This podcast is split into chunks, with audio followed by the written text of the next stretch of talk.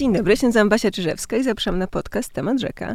Dzisiaj moją gościnią jest Joanna Jurga, Jo Jurga, autorka książki Szałas na hałas, projektantka przestrzeni, badaczka, wykładowczyni. Tak jest, cześć, dzień dobry.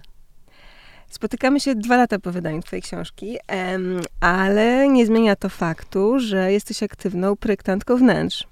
Przy czym jak się wchodzi na twoją stronę, to na, na, tej stronie nie ma żadnych ilustracji, nie ma zdjęć, nie ma wizualizacji, jest dużo, dużo, dużo tekstu. Co oznacza, że ta książka ukierunkowała twoją karierę, e, albo była taką, mm, takim drogowskazem, prawda? E, I e, nakreśliła taki pomysł na to, żeby bardziej o architekturze opowiadać, instruować, naprawiać ją, a niekoniecznie tworzyć, zwłaszcza wizualnie. Wiesz co, ja chyba jednak mimo wszystko bym zdementowała to, że jestem aktywną architektką wnętrz. Ja jestem w tej chwili, e, oczywiście zdarza mi się projektować e, i to są głównie projekty związane na bodźcach sensorycznych. E, zdarza mi się projektować przestrzenie, zdarza mi się je koordynować, e, konsultować. E, bardzo rzadko już prowadzę całościowe projekty, e, właśnie ze względu na to, że dla mnie jest istotne, żeby ta przestrzeń była wspierająca, a to są te departamenty i sensoryka, i, i neuroscience applied to architecture. To jest strasznie trudno. Neuroarchitektura brzmi przedziwnie e, wytłumaczyć po polsku. Jest bardzo słabo uczona i wprowadzona na polski rynek, więc ja w tej chwili dużo więcej pracuję szkoląc projektantów, e, pracując ze studentami, konsultując realizację, e, niż wymyślając je zupełnie od podstaw. E, zresztą to też nie jest tajemnicą, że tak jak powiedziałaś, ja jestem za tym, żeby wykorzystywać tkankę istniejącą, a nie tworzyć ją od podstaw. No to wróćmy do książki, skoro jest podwaliną e, tak, e, gwałtownego zwrotu. E, jedną z, z, wiodących myśli jest taki, takie spostrzeżenie, że mm, wizualna część wnętrza jest przeeksploatowana e, i myśląc o dobrym, komfortowym pomieszczeniu, powinniśmy dostarczać też bodźców dla innych zmysłów, ponieważ jesteśmy zwierzętami i odbieramy przestrzeń holistycznie. Tak, dokładnie tak. E, to jest tak, jesteśmy zwierzętami, e, które żyją w trójwymiarowym świecie. E, możemy uznać czwarty wymiar, jeżeli weźmiemy pod uwagę czas. I bardzo często o tym zapominamy, że nasz aparat poznawczy, dzięki któremu jesteśmy w stanie w tym świecie funkcjonować, nie składa się tylko ze zmysłów wzroku, tylko składa się ze wszystkich pozostałych zmysłów. I wzrok wcale nie jest w tej układance najważniejszy. Wbrew pozorom my sobie całkiem nieźle bez zmysłu wzroku radzimy. Oczywiście estetyka jest dla nas kulturowo niezwykle ważną dziedziną i fajnie by było, żeby te rzeczy, które wychodzą spod ręki projektantów, e, miały wartość estetyczną, ale zresztą to też powinno być nieważne, tylko pewnie podstawowe, ale e, niesamowicie istotne w projektowaniu, kreowaniu przestrzeni jest skupienie się na pozostałych zmysłach, chociażby na, na hałasie, na akustyce. E, to jest coś, czego nie widać, a ma gigantyczny wpływ na to, jak się czujemy. Na ten moment nasze miasta e, są tak źle zaprojektowane akustycznie, że statystycznie skracają nasze życie o 10 lat. E, a tak naprawdę projektanci biorą na warsztat akustykę tylko w kontekście projektowania nowych e, sal dla filharmonii bądź teatrów. E, I te dane są niestety druzgoczące. Kolejnym niesamowicie ważnym zmysłem jest dotyk, bo my jesteśmy macaczami. Jest to zmysł, który jest najbardziej rozwinięty w momencie naszych narodzin. No i super istotne jest to, żeby materiały, którymi się otaczamy, e, były nie tylko naturalne, ale również wartościowe sensorycznie. Więc idąc tak przez całą naszą mapę zmysłową, bo mamy jeszcze zmysł odpowiedzialny za ból, za równowagę, e, za orientację w przestrzeni, e, to fajnie by było, gdybyśmy uwzględniali te wszystkie dane naukowe, które mamy, a nie tylko kierowali się paradygmatem wzroku, który bardzo często jest o albo optymalizacji finansowej, jeżeli rozmawiamy o deweloperce, e, albo jest formą miejskich pomników, które nie uwzględniają użyteczności. No to wróćmy do tego wnętrza, jednak prywatnego wnętrza domowego i, i, i, i pomysłu na to, żeby bodźcować się w różny sposób. Jak to się robi w praktyce? Już wiemy, że po, po, pandemii już wiemy, że to nie są płaskie, gładkie, nieskazitelne powierzchnie szkła i, i błyszczących tworzyw. Tak, to jest w ogóle fajne. Są takie amerykańskie badania, które udowodniły, że jeżeli chcesz w filmie osadzić e, psychopatę, to osadzisz go w minimalistycznym, białym, błyszczącym, e, modernistycznym wnętrzu. E, więc to jest dokładnie to, o czym powiedziałaś. Wiemy, że, wiemy, że te przestrzenie tego typu nam nie służą. Niezwykle ważne jest to, żeby wziąć pod uwagę, jakie są nasze potrzeby, na jakim etapie życia jesteśmy, że te otwarte plany nie zawsze nam służą, szczególnie jeżeli mamy małych ludzi w domu i, i żyjemy w trybie hybrydowym. Bardzo ważne jest wzięcie pod uwagę to, czym wykańczamy chociażby podłogi i to, że jeżeli nawet musimy optymalizować koszty, to że drewno będzie się zachować zupełnie inaczej niż laminat e, czy winyl, nawet jeżeli wygląda na oko bardzo podobnie. On ma i inną termikę, i inne właściwości izolacji termicznych e, i akustycznych. E, Pisze, że 80% badanych mhm. osób odnajduje w drewnie spokój i rodzaj ukojenia. Tak, to jest, e, jak z badań wynikło, że ludzie najbardziej cenią drewno jako materiał wykończeniowy, co jest deklaratywne, ale nie przekłada się na to, co się dzieje w polskich domach. W sensie ilość paneli laminowanych, e, ilość powierzchni w ogóle laminowanych, czy takich z nadrukami drewna, e, czy powierzchni winylowych, które udają, czy ceramicznych jest bardzo duża. I to jest właśnie o kulocentryzmie, czyli o dyktaturze oka, że decydujemy się na rzeczy, które wyglądają, ale które nie zachowują się jak dany materiał. I mimo tego, że oko jesteśmy w stanie oszukać, to zmysł dotyku, e, czy termorecepcji, czyli zmysł odpowiadającego za temperaturę, czy naszego ucha nie, nie, oszukamy. Więc e, super istotne jest zastanowienie się, co my w tym domu tak naprawdę będziemy robić i czy na przykład jak wstajemy rano, to będziemy bosą stopą stawać na tej podłodze i to, jeżeli ona będzie wyglądać jak drewno, a będzie płytką ceramiczną, nie da nam komfortu takiego mhm. jak, e, jak stanięcie na drewnie. E, bardzo ważne jest zwrócenie uwagę, uwagi na to, czy mamy wystarczającą ilość powierzchni tapicerowanych, bo one pięknie pochłaniają dźwięki i też pozwalają nam w majtkach czy shortach wygodnie usiąść na kanapie czy, czy na krześle. E, w ogóle zwrócenie uwagi na to, czy mamy gdzie wygodnie zjeść, e, czy mamy miejsce do pracy. E, ja swoją pierwszą pracę, moja pierwsza praca to było stylizowanie sesji wnętrzarskich i ja doskonale wiem, jak bardzo zdjęcia na Pinterestie przekłamują rzeczywistość, w sensie, że te mhm. mieszkania tak nie wyglądają i te meble nie stoją w tych miejscach. I warto jest, żebyśmy wiedzieli, szukając informacji i inspiracji, co tak naprawdę jest, jest nam potrzebne i, i jakie formy aktywności codziennie uprawiamy, mm, tak żeby te mieszkania były dla nas wspierające, a nie tylko były taką wizualną wizytówką.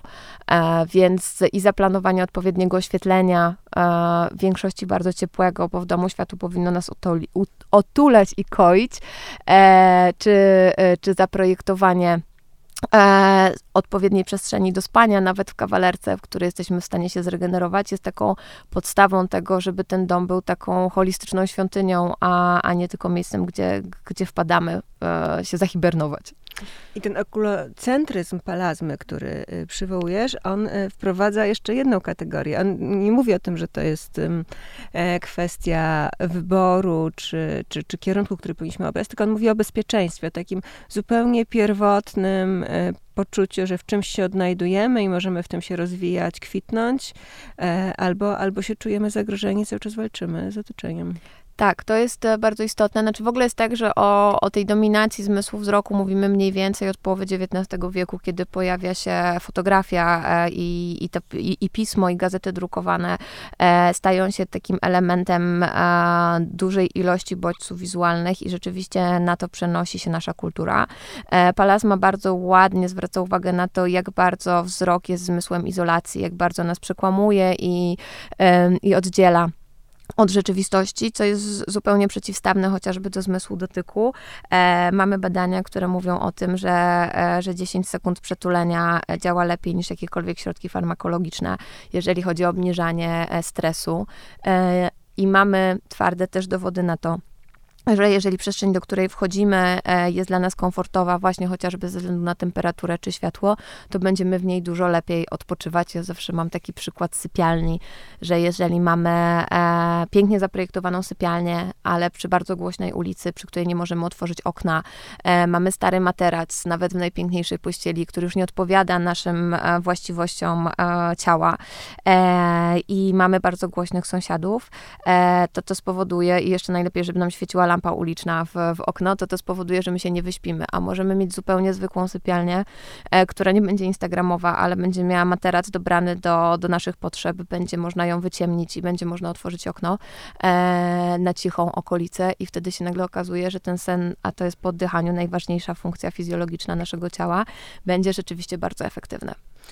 No i kolejne odkrycie, które wydaje się rewolucyjne, ale, ale jak się okazuje, y, w kulturze już y, jest w jakiś sposób zagospodarowane, że to projektowanie przestrzeni nie jest takie holistyczne, nie jest niczym obcym dla przestrzeni komercyjnych. Jeśli wchodzimy do eleganckiego sklepu, w którym mamy wydać dużo pieniędzy, spędzić czas, poczuć się komfortowo, to tam jest i kawa, która pachnie, i cukierki, i miękki fotel, i przydymione światło, i odpowiedni zaprojektowany zapach, i muzyka, i brak okien, który ma nas um, oderwać od y, patrzenia na zegarek. Jak to się stało, że w żadnej, um, żadnych przestrzeniach publicznych, szkołach, przestrzeniach reklamowych, e, a na przykład w hotelach już tak, E, nikt nie myśli o dobrostanie?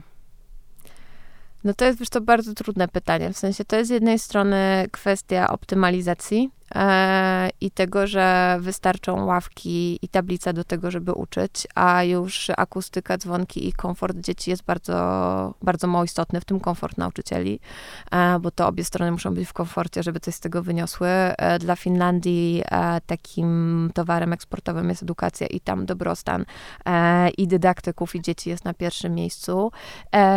I rzeczywiście jest tak, że u nas niestety głównie przestrzenie szpitalne i przestrzenie szkolne szkolne oberwały.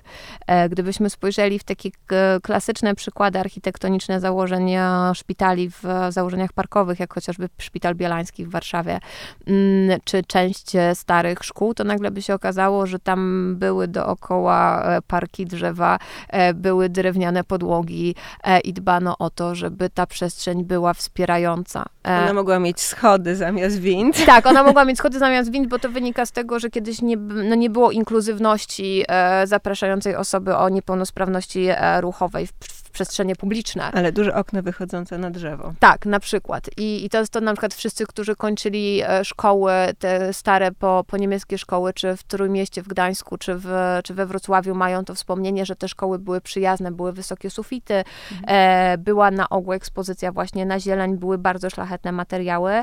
E, ja myślę, że jeżeli spojrzymy na tysiąclatkę, e, czyli na tą modelową szkołę okresu PRL-u, to ona w założeniu nawet nie była najgorsza. Trzeba pamiętać, że większość z nich miała ukrytą funkcję szpitali wojskowych e, na, e, na, na, wypa- na, wypadek kolejnej wojny światowej. Wow. Dlatego sale gimnastyczne były oddzielone takim wąskim korytarzem na wypadek pandemii, żeby można było odciąć blok operacyjny. W bardzo wielu miejscach były wyprowadzone krany.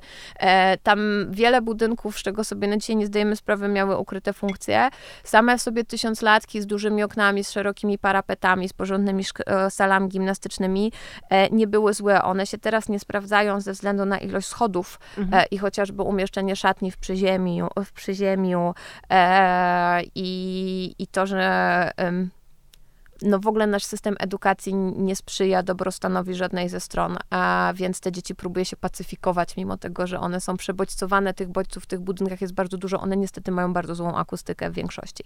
Też wykończone w nowoczesny sposób e, jakąś formą tarketu albo, albo winylu na podłodze, co, co nie pomaga. E, to spowodowało, znaczy to jest spowodowane w ogóle brakiem naszej czułości na przestrzeń.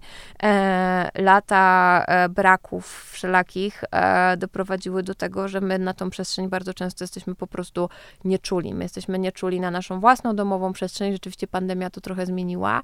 Mm, I jeżeli już mamy pieniądze, robimy rzeczy wizerunkowe, niekoniecznie takie, które nam służą, a już w przestrzeniach e, publicznych w ogóle to schodzi na dalszy plan. Ja niestety miałam nieprzyjemność bycia świadkiem wielu sytuacji, gdzie usłyszałam, że architektura nie jest nauką e, i że badania, które mówią o tym, że przestrzeń może wspomagać zdrowienie, ilość e, brania środków przeciw przeciwbólowych po zabiegach operacyjnych i tak nie wpływała na decyzje e, włodarzy szpitali i decyzje o remontach podejmowały osoby, które nie miały do tego wykształcenia, a to też wynika gdzieś z naszej historii, gdzie nam się wydaje, że my sami jesteśmy w stanie mieć wiedzę w każdym departamencie i zapominamy o tym, ilu kształcimy e, projektantów e, i jak bardzo oni by chcieli móc też się w takie przestrzenie zaangażować. No dobrze, to musisz trochę zdradzić, nad czym pracujesz. Wiesz co, ja e, w tej chwili e, projektuję laboratorium medyczne dla jednego ze szpitali klinicznych, e, gdzie próbujemy dogadać się z Sanepidem, jak zmienić, i to jest szpital publiczny, jak zmienić jakość życia pań, które pracują tam w trybie dyżurów, mhm. chociażby przez sposób oświetlenia tych przestrzeni.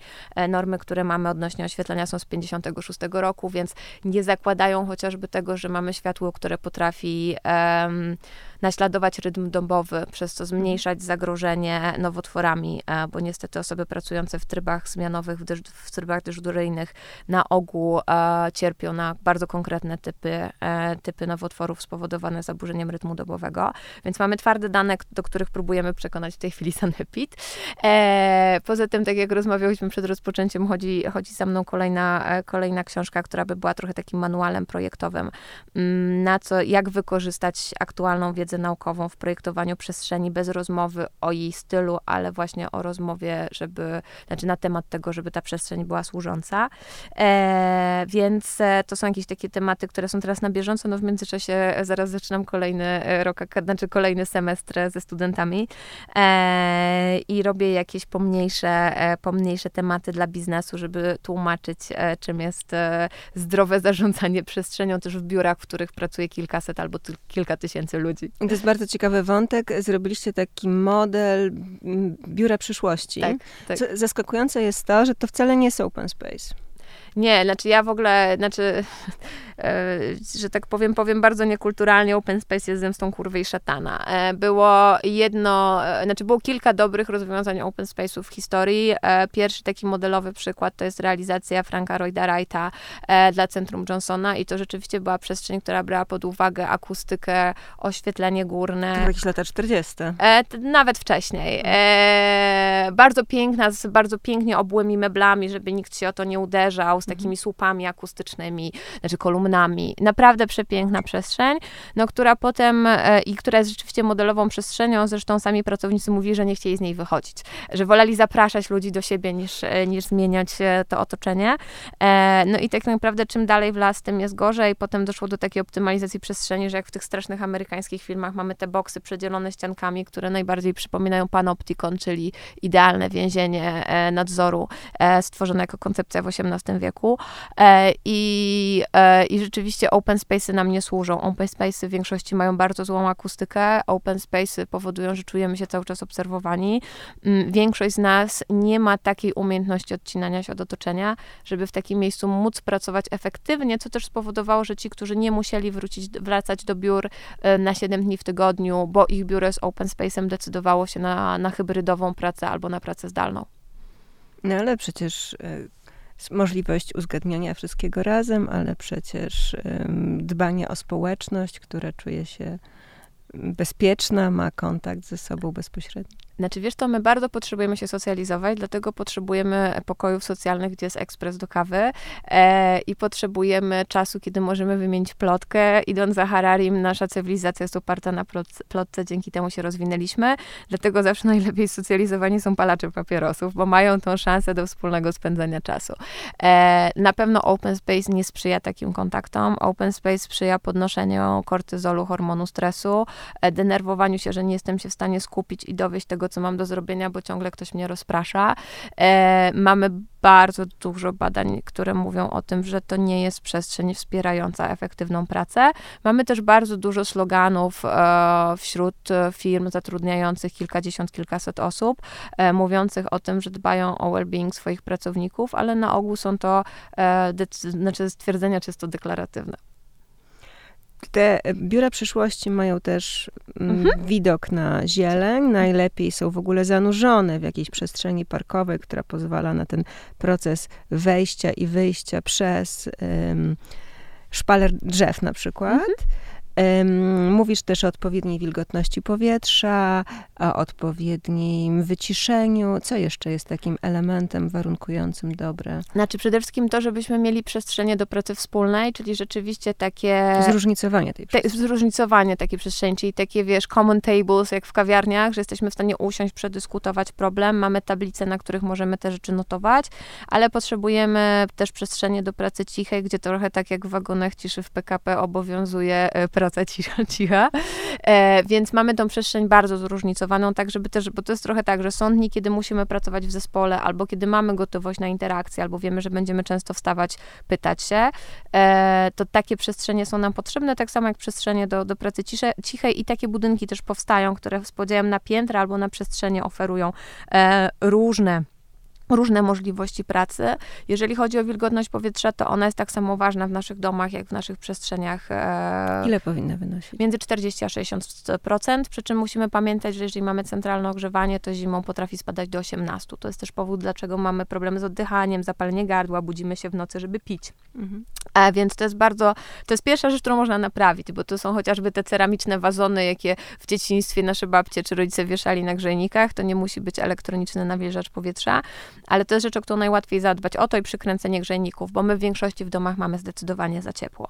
22 stopnie. Tak. A tak, znaczy nawet 20 to jest, a w sypialni 17. Sypialnia po, po garażu i piwnicy powinna być najzimniejszą przestrzenią u nas w domu, ze względu na, na to, w jakich warunkach najlepiej regeneruje się nasz mózg.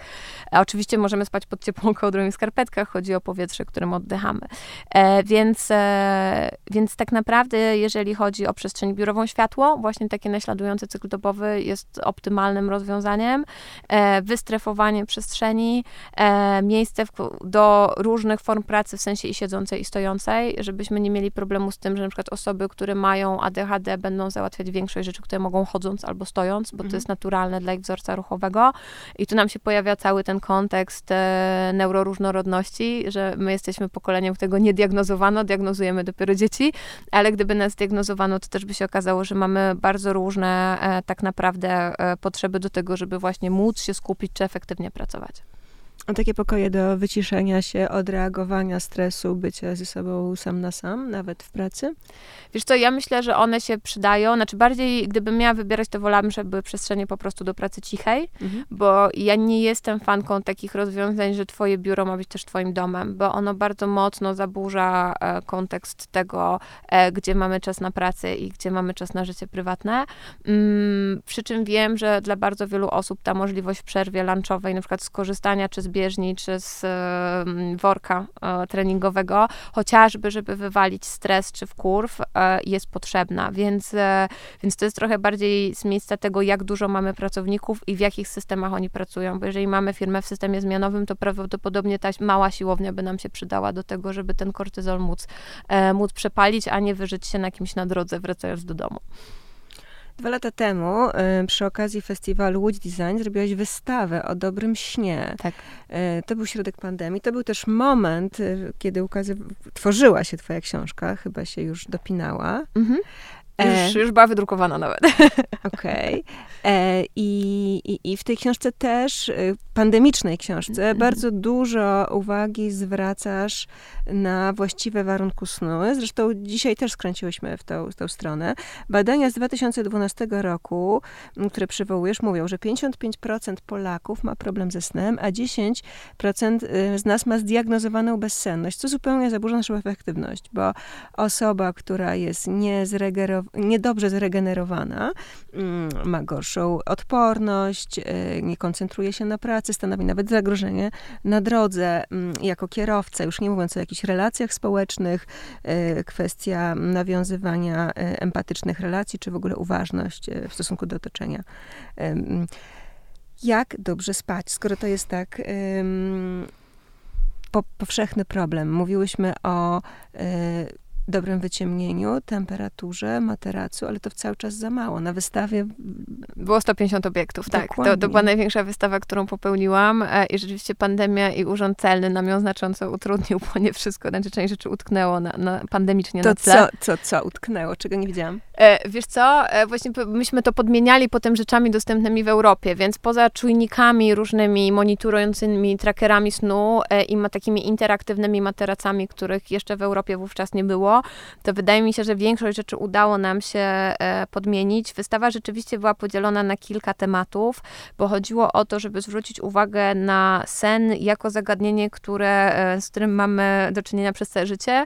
Przesypiamy mniej więcej jedną trzecią naszego życia. Tak jak powiedziałaś, sen e, jest, wpływa na każdy jego aspekt. Bardzo ważną daną jest to, że w drugiej dobie bez snu zachowujemy się tak, jakbyśmy byli pod promilem, pod wpływem alkoholu. Mniej więcej to zachowanie jest adekwatne półtora promilowi. To jest bardzo dużo, więc... Nie dodajemy się do niczego. Nie da, re, dokładnie tak. Jesteśmy niebezpieczni dla siebie i dla otoczenia. E, więc wystawa mówiła o tym i myśmy stworzyli dekalog, takie 10 przykazań dobrej sypialni. E, tak jak powiedziałaś, jest to właściwa wilgotność, e, jest to właściwy materac, e, poduszka, e, kołdra, pościel odpowiednie do pory roku. Mm, jest Czyli bawełna zimą, latem len. Dokładnie tak. Dokładnie. Można jeszcze próbować tych mieszanek z eukaliptusem, które są chłodzące, jeżeli ktoś się bardzo przegrzewa, bo bardzo często jest tak, że na przykład w, w relacjach mężczyzną jest za gorąco, a kobietą jest za zimno. E, też pamiętać o tym, że są materace dwustrefowe, jeżeli dzieli nas bardzo duża różnica wagi. Mm, więc jedno to jest dbanie o tę samą przestrzeń swojego łóżka. Drugą kwestią jest oświetlenie tej przestrzeni, także jeżeli mamy zwyczaj czytania nocą, to żeby nie, nie budzić wszystkich dookoła i żeby to światło też nie było zimne, które blokuje wytwarzanie melatoniny. E, pamiętajmy o tym, że sypialnia służy do snu, seksu i regeneracji e, i to są, nie jest schowkiem, nie jest biblioteką, a nie suszarnią, co, co gdzieś bardzo często nam umyka, bo tam najrzadziej wchodzą goście, więc zdarza nam się tam wrzucać e, całe otoczenie naszego domu. E, bardzo ważne w sypialni jest właśnie ta jakość powietrza. Jeżeli mieszkamy w centrum, w centrach miast z bardzo złym powietrzem, to może warto pomyśleć o, o filtrze. Bardzo ważne jest to, żeby w tej sypialni było stosunkowo ciemno, co, co w miastach z tak dużą łuną światła bywa trudne, stąd koncepcja zaciemnienia. To są takie specjalne zasłony, które wyciągną. Tak, które blokują, przy czym to może powodować problemy z obudzeniem, e, bo żeby melatonina przestała się wytwarzać, potrzebny jest wschód słońca, stąd koncepcja budzików świetlnych na początku używanych przez Skandynawów. W tej chwili już w, w codziennym użytku i budziki świetlne, i lampy solarne potrafią bardzo dobrze wyregulować cykl dobowy. Mm, no jest też zasada tego, że nie trzymamy ekranów w sypialni, więc telewizory, laptopy, komórki robią out. E, wszyscy pamiętamy analogowe budziki, one nadal działają e, i, i robią swoją robotę świetnie, a nie ma też tego odruchu, że mm, wyłączam budzik i sprawdzam maile, czyli od razu ten poziom kortyzolu e, szybuje mi w Himalaje, e, ponieważ tam się zadziewają różne rzeczy. Ale zauważasz to też w swojej książce, że mm, wiele osób, zwłaszcza z młodego pokolenia, ma powiązane poczucie bezpieczeństwa z dostępnością telefonu. Tak, tak, to też nam wyszło w wcześniejszych, wcześniejszym projekcie, e, że dla ludzi najważniejsze jest łóżko i gniazdo gniazdko, to, to, było, to, to jest bardzo silnie, nie, to jeszcze nie jest pandemiczne, to jest przedpandemiczna w ogóle obserwacja, e, że, e, że ta to łóżko jako taka, jako taka stacja nadawcza dla, do wszechświata e, stała się dla, dla Zetki w pewnym momencie takim rzeczywiście centrum zarządzania rzeczywistością. Więc może pozbycie się tego telefonu jest wylewaniem dziecka z kąpielą. Znaczy ja myślę, że raczej e, pozbycie się tego telefonu stopniowo jest rozwiązaniem. W sensie nic, co nie zostanie nam odebrane e, radykalnie, e, nie zrobi nam dobrze, bo będzie rodzajem stresu. E, tu, rozumienie, dlaczego pewne rzeczy powinno się zmienić, e, jest właściwe, ale ja też e, bardzo staram się o tym mówić, że metoda małych kroków, w sensie wprowadźmy jedną z tych rzeczy. Nauczmy się dobrych rytuałów, przed snem zróbmy 5 minut oddychania mhm. I rano wstańmy i zadbajmy o spokojniejszy poranek. To nie jest tak, że trzeba od razu zaaplikować wszystkie te rzeczy, o których ja mówię wokół snu. Super, jeżeli komuś się uda, myślę, że to jest trochę wykonalne, ale po to ich jest też tak dużo, żebyśmy mogli z tego wyciągnąć jakiś własny przepis na, e, na spokój, e, bo rzeczywiście zadbanie o ten komfortowy sen wpływa potem na całą naszą rzeczywistość i jeżeli zostanie z nami telefon, ale uda nam się tą sypialnię wyciemnić i poprawić jakość powietrza i, i poprawić jakość tego, na czym śpimy, to już będzie super, o ile na przykład założymy sobie taki bloker, że po 15 minutach przed snem ten telefon nam się wyłącza, nie? Że to nie jest tak, że na przykład jak nie możemy zasnąć, to w nieskończoność skrolujemy, żeby się, żeby się ogłupić, bo to też się często zdarza, no bo znowu jest to emiter światła niebieskiego i to jest mm, błędne koło, bo on przez to patrzenie się szczególnie z bliskiej odległości blokuje nam wytwarzanie melatoniny. Na wystawie roz, odsłoniłaś cały przemysł, który mm, narósł wokół tak. snu. Tak. Specjalne zioła, które wyciszają, e, specjalne zapachy, jakieś olejki eteryczne, które odprężają, wprowadzają e, nas w odpowiedni nastrój. Poza tym poduszki, które mają kształt i wielkość ciała, także możemy przytulić się i, i, i znowuż stymulować e, skórę jakąś fakturą i dotykiem.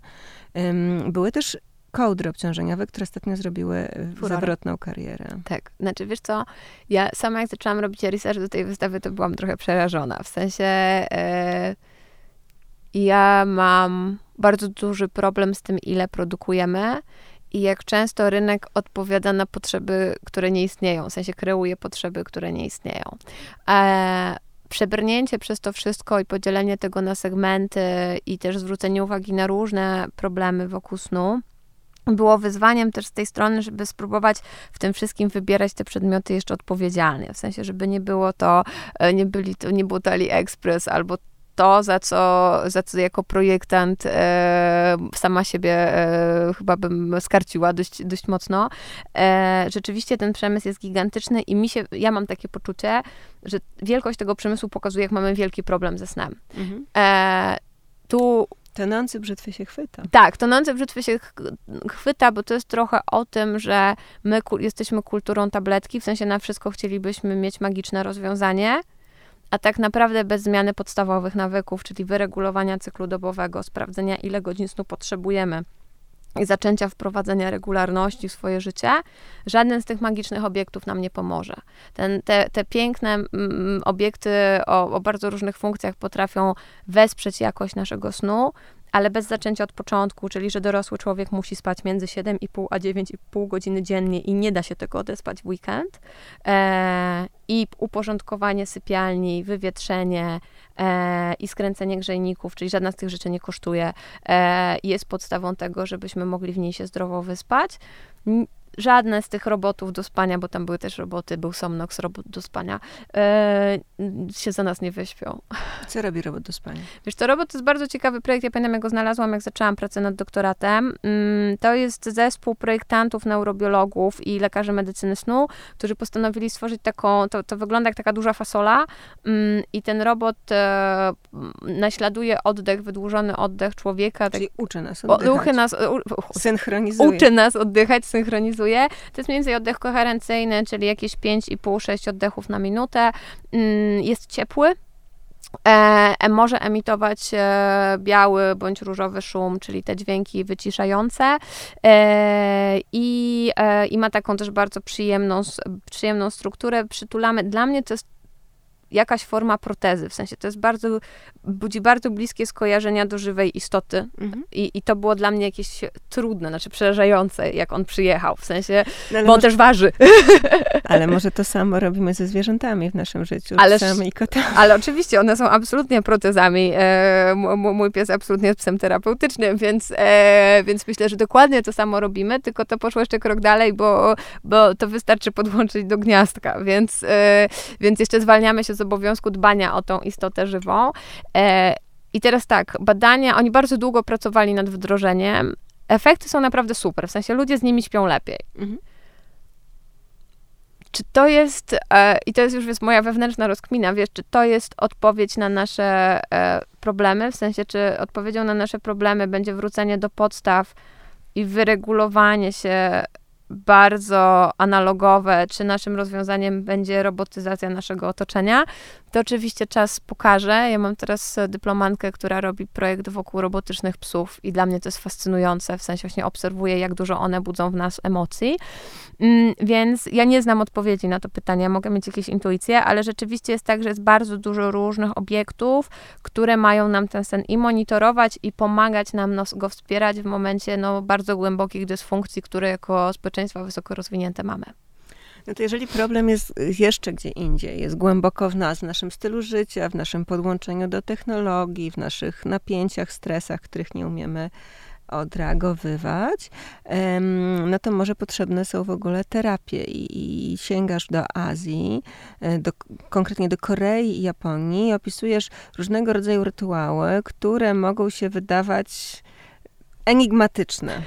E, myślę na Myślę, przykład, że nawet kontrowersyjne. Albo mogą szukać performance artystyczne. Mhm. Piszesz o mm, ceremonii koreańskiej, która polega na... Terapii trumnowej. Dokładnie, na wchodzeniu do trumny i leżeniu tam przez 10 minut. Mhm. Tak, to stricte wynika z sytuacji, którą ma Korea. Korea ma największą ilość samobójstw. E, I ja już nie, nie pamiętam dokładnych danych, ale to były gigantyczne liczby i e, jeden, e, jeden z koreańskich klasztorów, Korea w większości praktykuje odłam buddyzmu zen, postanowił zacząć wprowadzać na szeroką skalę taką zmodyfikowaną praktykę umierania. Zresztą bardzo ładnie o tej praktyce e, pisze e, w książce Gambare. Kasia Boni. Kasia Boni, e, to akurat odnosząc się do innego kryzysu w Japonii po, po wybuchu Fukushimy, ale ona tam bardzo ładnie ten, ten, ten cały warsztat umierania opisuje. W każdym razie wcześniej zrobili to też koreańscy mnisi, którzy postanowili stworzyć taką przestrzeń gdzie głównie młode osoby, bo ten kryzys dotyka głównie młodych ludzi, przychodzą przez taką ceremonię żegnania się z życiem, żeby mogli, mieli szansę w ogóle zobaczyć, że żyją.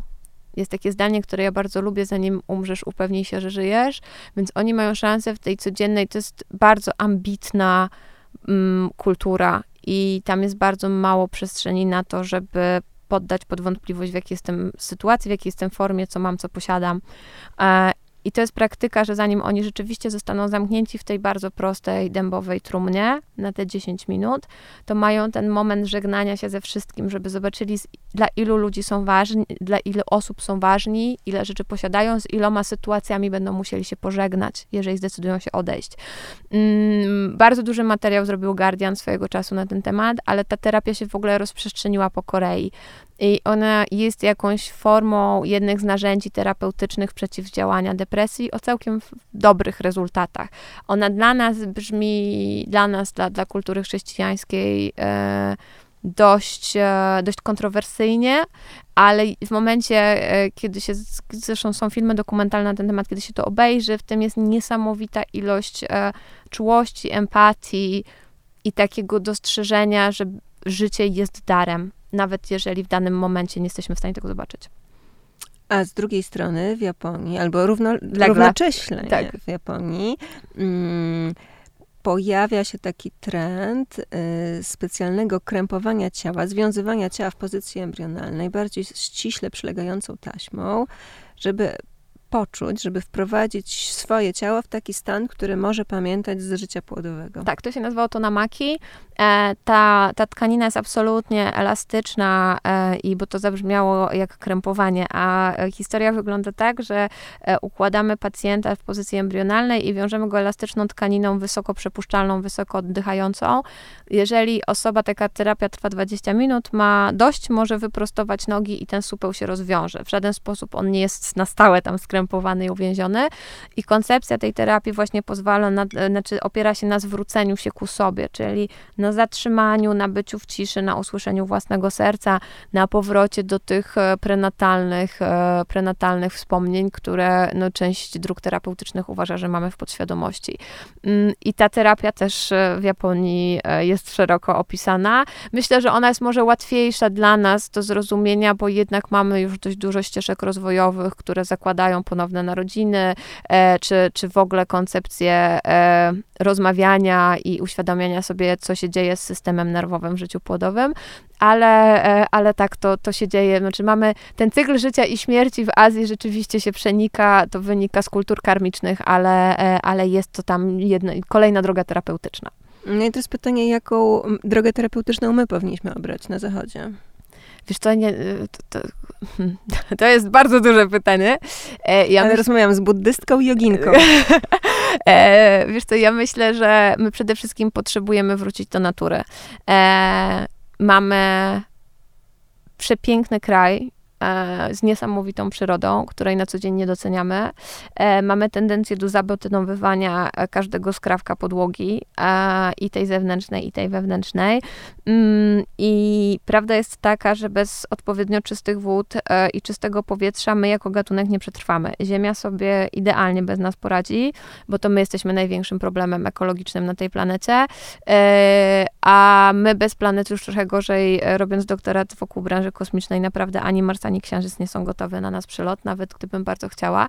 E, więc to przez szacunek dla środowiska, przez ograniczenie konsumpcji, e, przez docenienie tego, w jak bardzo komfortowym świecie żyjemy i trochę takim docenienia tego, co mamy, bo, bo ja cały czas powtarzam, że my żyjemy w świecie, w który nigdy w historii ludzkości na tej szerokości geograficznej nie było nam tak komfortowo.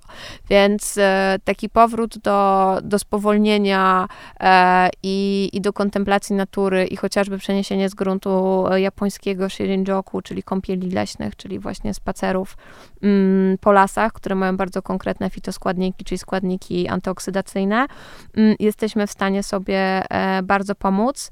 E, myślę też, e, że żyjemy w tak dużym przyspieszeniu technologicznym, że tylko posiadanie alternatywy właśnie w postaci jakiejś e, praktyki uważności e, i to nie musi być medytacja, a to może być jakaś forma ruchowa, jakaś forma doświadczenia e, przyrody, jest tym, co może spowodować, że zwyczajnie nie zwariujemy, bo nasz mózg nie ewoluuje tak szybko, jak nasze środowisko zewnętrzne.